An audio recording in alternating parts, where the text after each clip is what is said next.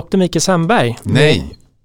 Ström, vi måste vara ja, ja, men Jag läste ju bara innantill här. Ja, jag så jag märkte jag, att jag var lite nervös. Ja, jag fattar inte varför, varför är Sandberg vanligare än Sandström? Kan man inte bara få kalla dig Dr. Mikael? Jo, det går alldeles utmärkt. Eller hur? Ja. Så är du för mig. Från vården.se, det här är Staffan Gustafsson. Välkommen till Utforska vården med Dr. Mikael.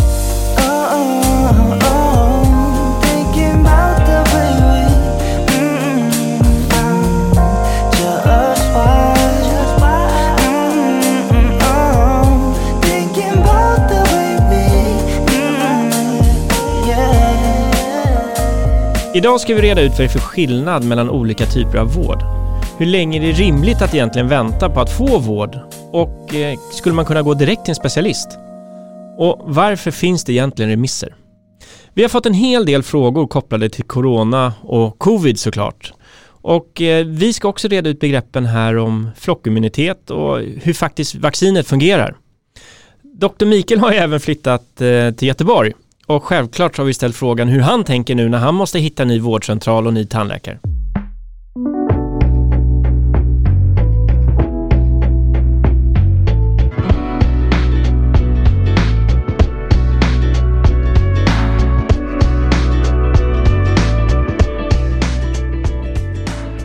För tio år sedan gick jag runt och funderade på hur svårt det var att veta vilken vård jag har rätt till och hur sjukvårdssystemet fungerar hur svårt det var att få en överblick över vilka vårdgivare som finns och hur svårt det var att boka. Därför startades vården.se. Idag är vi nog mest kända för att vara Sveriges största samlingsplats inom legitimerad vård och hälsa, där över 500 000 besök varje månad matchas med över 18 000 vårdgivare. Det finns en person som är riktigt bra på att förklara hur saker och ting funkar eh, som kan få det där lite svåra att bli greppbart. Välkommen till micken Dr. Mikael. Tack så mycket för det. Det är jättekul att ha dig här och eh, tillsammans med oss på vården.se så ska vi nu försöka göra det lite lättare för alla svenskar att hitta rätt vård. Det är något jag gärna jobbar för. Dr. Mikael Sandström är överläkare i intensivvård och anestesi och har jobbat som läkare både i Sverige, Västindien, Kanada och USA. Han blev ju Dr. Mikael med hela svenska folket när han 2003 var med i Robinson och är ett troget inslag i TV4s Nyhetsmorgon sedan en massa år tillbaka där han hjälper oss svenskar att upplysa oss om olika åkommor och sjukdomar. Och senast nu 2020, mitt under brinnande coronapandemin, så valde han ju faktiskt att hoppa av Let's Dance för att han kände att han behövdes bättre i vården. Så, Dr. Mikael. Ja. Vården är ju någonting som berör oss alla. Absolut, så är det verkligen. Och eh, det är vid en första anblick så är det ju väldigt svårt att veta hur det här fungerar. Ja, det, är, det, det är problematiskt för många människor. Det är inte nog att man är sjuk, man ska veta vart man ska också och ha ställt sin egen diagnos. Så blir det ibland på stora ställen och i, i centralorter. Och så är det lite annorlunda ute på landsbygden. Så att det är inte alldeles enkelt det här. Och som jag har, om jag har förstått saker och ting rätt så har man ju delat in vården lite i olika fack. Det har något som heter primärvård, du har specialistvård och så vidare. Hur, hur hänger det här ihop? Jo, det är så här, det är för att fördela resurserna på bästa sätt som vi har den här indelningen. Det här går ju tillbaka hur långt som helst och det, finns, det fanns landsting och det finns olika politiska lösningar och blockorganisationer. En uppsjö av alla organisationer har prövats och testats och det finns ett cykliskt inslag nästan i det här att det är någonting som var bra för tio år sedan kommer tillbaka. Eh, och så. så det är ju en, en, ett problem för gemene man att förstå hur det fungerar. Eh, det är så här att till att börja med så är, är, man ute efter rätt vård på rätt nivå. Om jag har till exempel en liten ofarlig, säger vi nu, prick på armen så behöver det inte en professor i dermatologi utreda den här utan då blir det resurslöseri. Utan då tänker man sig att det här kan mycket väl en distriktsläkare göra och ta ansvar för. Eh, med detta sagt så vill jag att man, när man, eh, man säger att någonting inte är farligt så har man ju också tagit ett ansvar för att det inte är det. Så det krävs en, en, lika mycket för att säga att något är farligt som det är ofarligt. Men vi har ett system i landet som bygger på att man har en första kontakt och det sker via vårdcentraler. Eh, är det akut 112 blåljus, kalla vad den vill, då kommer sådana som jag in i bilden. Då försvinner indelningen och rangordningen och det här utan då får den som mest behöver i ögonblicket får vård. Sen att eh, centrala Stockholm ser annorlunda ut än Lappland eh, och det, det, har viss effekt på, på akuta tillstånd förstås. Men man ska ha så jämlik vård som möjligt, det är principen. Hela systemet bygger på eh, avsikten att det ska vara lika vård för alla och man ska få den vård man behöver, vare sig mer eller mindre. Om jag tittar tillbaka på varför eh, vi, vården.se finns, så är det, eh, för mig så handlar det om att starta ett företag många gånger att det drivs av att man har passion för någonting eller en frustration. Och eh, anledningen till vården kommer ju från den här frustrationen, precis som du säger att vården ska vara jämlik för alla. Eh, så tycker jag kanske inte riktigt att den är det, för det finns ett informationsgap någonstans. Det finns fantastiskt bra vård i Sverige att tillgå om man vet vad man ska ta vägen. Men eh, vilket innebär att det vi vill göra är att göra det lättare för alla personer att kunna ta del av samma information så att man snabbare kommer till rätt ställe. Jag delar din uppfattning fullständigt. Alltså systemet är bra men det är, finns väldigt mycket att förbättra. Lika vård för alla eh, betyder ju inte samma vård eller lika mycket vård för alla utan man ska ha den vård man behöver. Inte mer och inte mindre. Det är ju ingen idé eh, liksom att, att byta två punkterade däck om man bara har ett punkterat däck på bilen. Och nu nämnde du primärvård eller som gemene man skulle säga sin husläkare eller vårdcentral. Eh, och sen så finns det ju då specialistvården som du nämnde. Eh, men om jag har förstått saker rätt där så innebär ju det att i vissa fall så kan du komma och träffa den här specialisten direkt i och med att vi har vårdval inom vissa områden. Ja, precis, så är det ju. På, men där finns ingen jämn strategi riktigt över landet utan där gör regionerna på olika sätt. Och ibland slumpar det sig att det finns ju eh, eh, läkare som är multispecialister. Man är specialist i flera saker. Man träffar just på en vårdcentral någon som är specialist i reumatologi eller någonting sånt också. Det kan ju ske. Men för att man ska få rätt nivå på vården så försöker man ju då på olika sätt dock, eh, att eh, lägga nivån så att det passar. Jag kan ta ett exempel ifrån i morse på Nyhetsmorgon så pratar vi om axlar och så kommer en invändning eh, så pratar vi om frozen shoulder som är ett, ett smärttillstånd i axeln som har ett naturalförlopp det kommer och det går över några år. Ganska besvärligt. Vi kommer nog prata om det senare i, ett annat, eh, i en annan inslag. Eh, men det hjälper liksom inte att komma till en specialist. Det tar massa resurser och det leder inte till någonting för patienten. Utan det handlar om att identifiera tillståndet och sen göra det man kan. Och det är inte att komma till en specialist. Det blir alldeles utmärkt med en, med en, eh, en husläkare, en distriktsläkare. Och där är en stor missuppfattning. Man har inte ens förstått vad de olika läkarna gör. Eh, låt mig förklara bara eh, hur utbildningen ser ut. Väldigt, väldigt kort. Först och främst så har vi 44 basspecialiteter och där är du som är överläkare inte en basspecialitet utan det är olika med internmedicin och kirurgi och olika sådana här områden. Och sen har man en utbildningsplats när man är AT-läkare, står för allmäntjänstgöring och sen så, när man sen utbildar sig vidare på, till specialist då kallas det för ST-läkare. Det kan man vara i allting men man väljer en speciell inriktning. Jag valde anestesi och eh, intensivvård. Och sen när det är klart då får man en tjänst som specialistläkare. Och sen när det när man har hållit på ett tag så kan man få en överläkartjänst.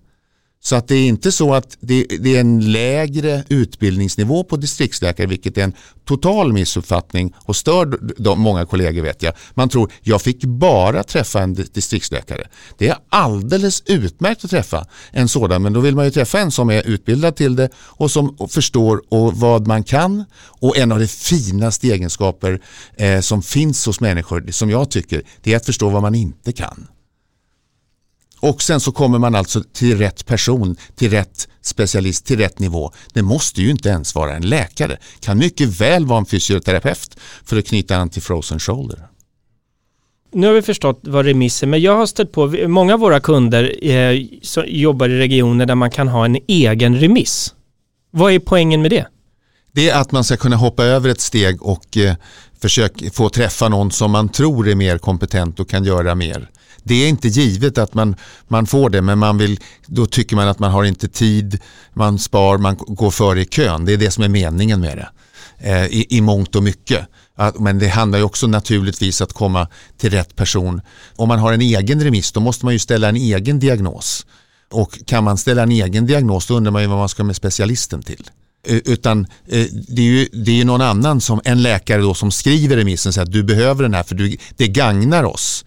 Jag är för att använda eh, rätt instanser på rätt nivåer. För att inte överbehandla eller överanvända. Då tar det slut eh, för, för andra inom gruppen, inom, inom samhället. Så att men eh, ibland så det finns ju förmildrande situationer förstås, det kan man ju tänka sig och då får man ju eh, ta ställning till dem om det är något att man måste gå före av att man har cancer, någonting måste ske väldigt fort och sånt där. Men då tror jag nästan att det är bättre att det sker inom ramen tillsammans med en läkare.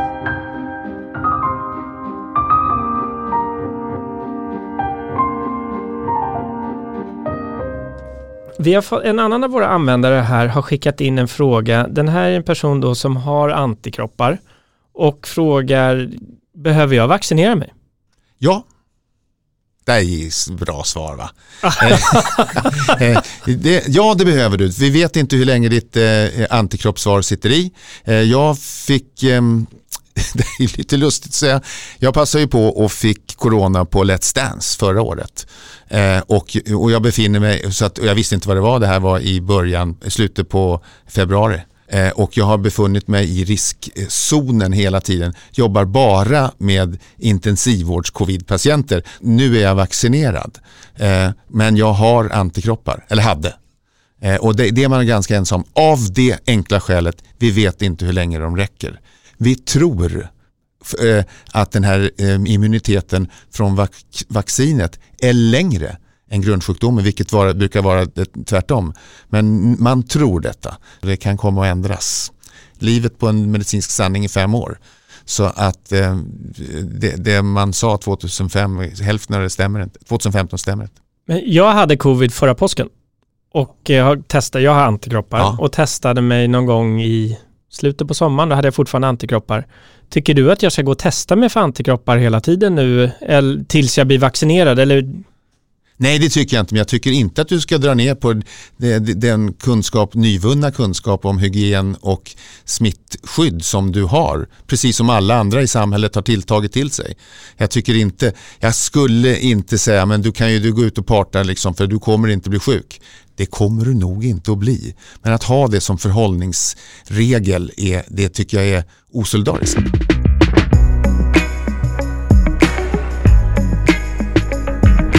Vi har fått en fråga åter om vaccinering här. Eh, för nu börjar våren komma och då kommer ju fästingar fram och sånt.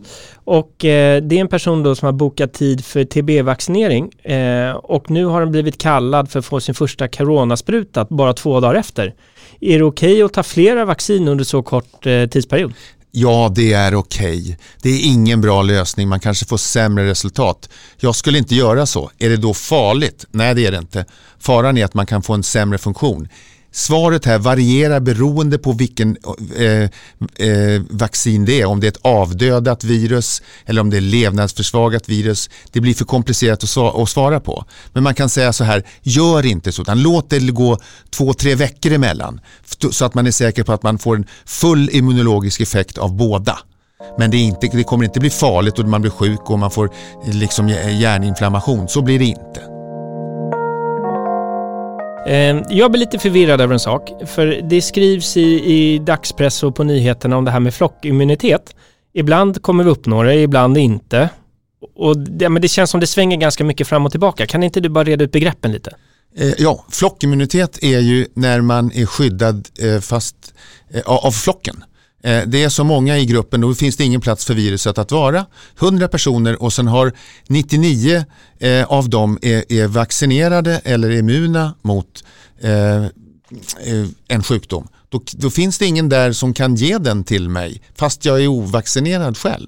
Flocken skyddar mig. Så det finns en solidarisk eh, tanke och, och, effekt här som vi verkligen försöker uppnå eh, med vaccinationer. Men nu är det ju olika. Mässling som är oerhört smittsamt. Där krävs det att 95 personer i den här gruppen på 100 för att det där viruset inte ska leva kvar. Det dör ut. Men finns det 50 så klarar det sig.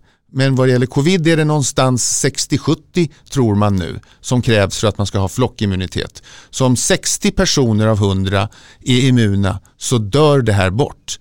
Ta till exempel ett häpnadsväckande exempel.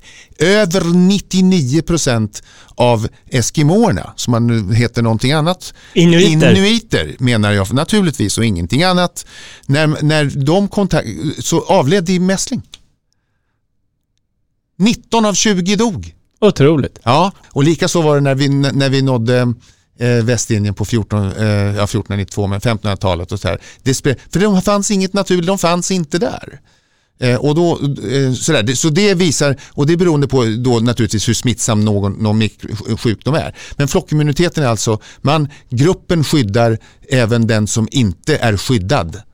Eh, så där finns en solidarisk aspekt av vaccination. Och det vill jag säga om vaccinationen som uppfinning så är det ju det största som överhuvudtaget har hänt. Det dog ju hur mycket folk som helst i polio, i, i alla mängder eh, av olika virussjukdomar och de har man ju räddat livet på. Hundra miljontals människor, kanske miljarder människor har räddats genom vaccination. Så jag blir ju nästan lite upprörd när jag hör de, de som inte vill ta det därför att det finns kanske nu en biverkan en på en miljon. Det är ju inte ens bevisat ännu att AstraZenecas eh, vaccin är, ger blodproppar. Men det kan vara så. Men om det är en på miljonen, om man vaccinerar en miljon som inte får covid, då vet vi ju ja, hur många har dött i Sverige nu? 10 000. Och, då har, eh, och ändå är det inte en miljon drabbade. Så att det, det, det är ju en faktor 10 000 som skiljer. Så skyddet är makalöst. Och det är klart vi ska vaccinera oss. Sen så ska vi göra det, vi ska stanna till, vi ska pausa för det, det är smart att göra. Men att, att vi ska vaccinera oss på något sätt på bäst, med det säkraste, det ska vi. Det var en räck. Ja. ja men den, nej, men det är bra. Bra, Tid, mm. tydligt mm. budskap. Mm. Och det var som du nämnde precis innan vi gick in här, bara under den tiden vi har suttit här och pratat så har ju fyra, fem personer fått en stroke. Ja, så är det. Så att saker hänger, eh, saker händer ändå. Ja.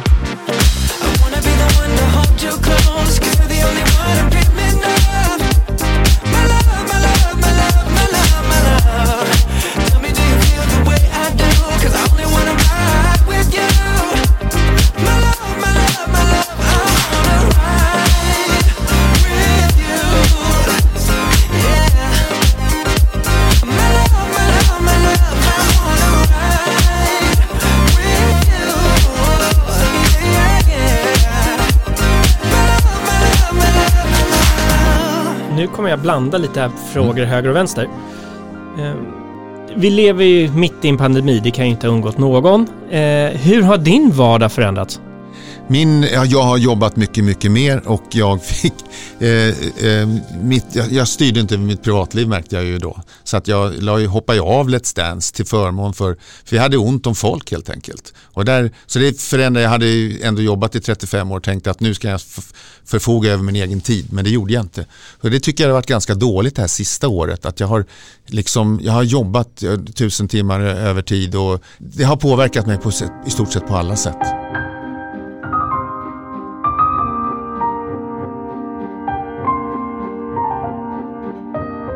Eh, vi ser ju i våran vardag på jobbet nu, i och med att vi jobbar distans, så har vi alla de här Teamsmötena, både med kunder och, och eh, med medarbetare. Har du sett någonting hur den här nya mötesinstraktionen har, har påverkat människor? Eh, ja, till viss del har jag det. Alltså det är ju jättebra att kunna, det, det begränsar ju resor och det är ju klimatsmart och på alla sätt och vis. Eh, och det kräver mer. Eh, men eh, jag vet ju att till exempel eh, plastikkirurger har ju ett uppsving därför att folk har plötsligt insett att folk, man tittar på dem och ganska nära. Så var, förut kunde man gömma sig bakom en, en gardin eller sitta längst bak i salen eller var ganska, hålla en låg profil. Nu kommer kameran 15 cm ifrån en. Så det har fått, för vissa människor tycker ju att det där är jättejobbigt då och måste makea sig på olika sätt, både med makeup eller med plastikkirurgiska metoder. Så att det är lite konstigt hur det kan bli ibland. Vi ser ju en väldigt tydlig trend bland våra användare att eh, man applicerar ungefär samma beteende som när du konsumerar allt annat, eh, även på vård. Alltså du, samma beteende som du köper en tröja eller vad din nästa resa eller vad det nu må vara. Vilket innebär att vi får fler och fler förfrågningar om helt privatvård. Ja. Att eh, du vill kanske betala en peng för att få en tid samma vecka hos den här specialisten och så vidare. Lite så som försäkringar Ja. funkar. Hur tror du det här kommer utvecklas? För vi vet ju att det är många gånger långa köer och man måste prioritera. Men jag har till och med hört, jag vet inte om det här stämmer, men jag har till och med hört att i vissa fall så kan du träffa, en läkare kan ha flera olika hattar. Ja, alltså, Den kan ha en försäkringsbolagshatt på sig. Den kan ha en landst- regionhatt på sig. Eller den kan ha sin egna eh, Dr. Mikael AB-hatt på sig. ja. Hur funkar det där? Ja, alltså jag, jag tror att det- kommer alltid finnas eh, människor som vill köpa sig före kön eh, och då, då tycker jag väl att eh, det här är ju en, en, en svår alltså sjuk eh, vårdpolitisk fråga. Eh, men jag tycker väl att om det är så att man köper sig någonting som inte gör att effekten att jag stöter bort någon annan utan att det här, det är någonting, jag betalar för det här. Jag vill inte att någon annan trycks, jag vill inte att man köper sig före i en befintlig kö. Nu är det ju så att Sverige använder ganska lite av BNP till sjukvård. Eh, vi, vi har- 11 procent. Ja, och det har varit nere på 8 eh, för och, och USA har någonstans 17-18. Eh, nu är ju inte den vården bättre för de har ju en, ett, en helt en sub, en, en subvärld av försäkringsmedicin som är vansinnig vad jag tycker om amerikansk sjukvård. Med försäkrings och skadestånds eh, som vi inte har alls i, i, i Sverige eller Europa på det sättet. Men vad jag ty- tycker generellt om vård så tycker jag liksom att vi ska ha så bra vård att den räcker till alla och vill man köpa sig någonting eller eh, göra något plastikkirurgiskt ingrepp som man betalar för så får man väl göra det. Men det ska inte vara på någon annans bekostnad menar jag. Vad tycker du är bäst med svensk vård? Det bästa med den svenska vården är att eh, i stort sett så är det ingen, jag tänkte säga ingen som går före i kön. Nu har vi ju sett en del politiker som har gått före i kön vad det gäller vaccinationer eh, och, och sådana här saker. Men på det hela taget, jag tycker nästan det bästa med det svenska samhället är att vi inte är så mycket, inte så korrumperat. Korruption finns, Visst gör det det, men man, vi strävar efter att det ska vara så lika eh, som möjligt för alla. Jag har behandlat mördare på ett bra sätt. Jag har behandlat fo- folk som slängt saker på mig i berusat tillstånd. Vi ger dem vård i alla fall. Och det finns något samhälls, det finns något mänskligt korrekt i detta. Man ska inte vara dum, men man ska, vi ska försöka hjälpa. Jag tycker eh, att man ska försöka göra lite extra för de som har det svårt, eh, tycker jag.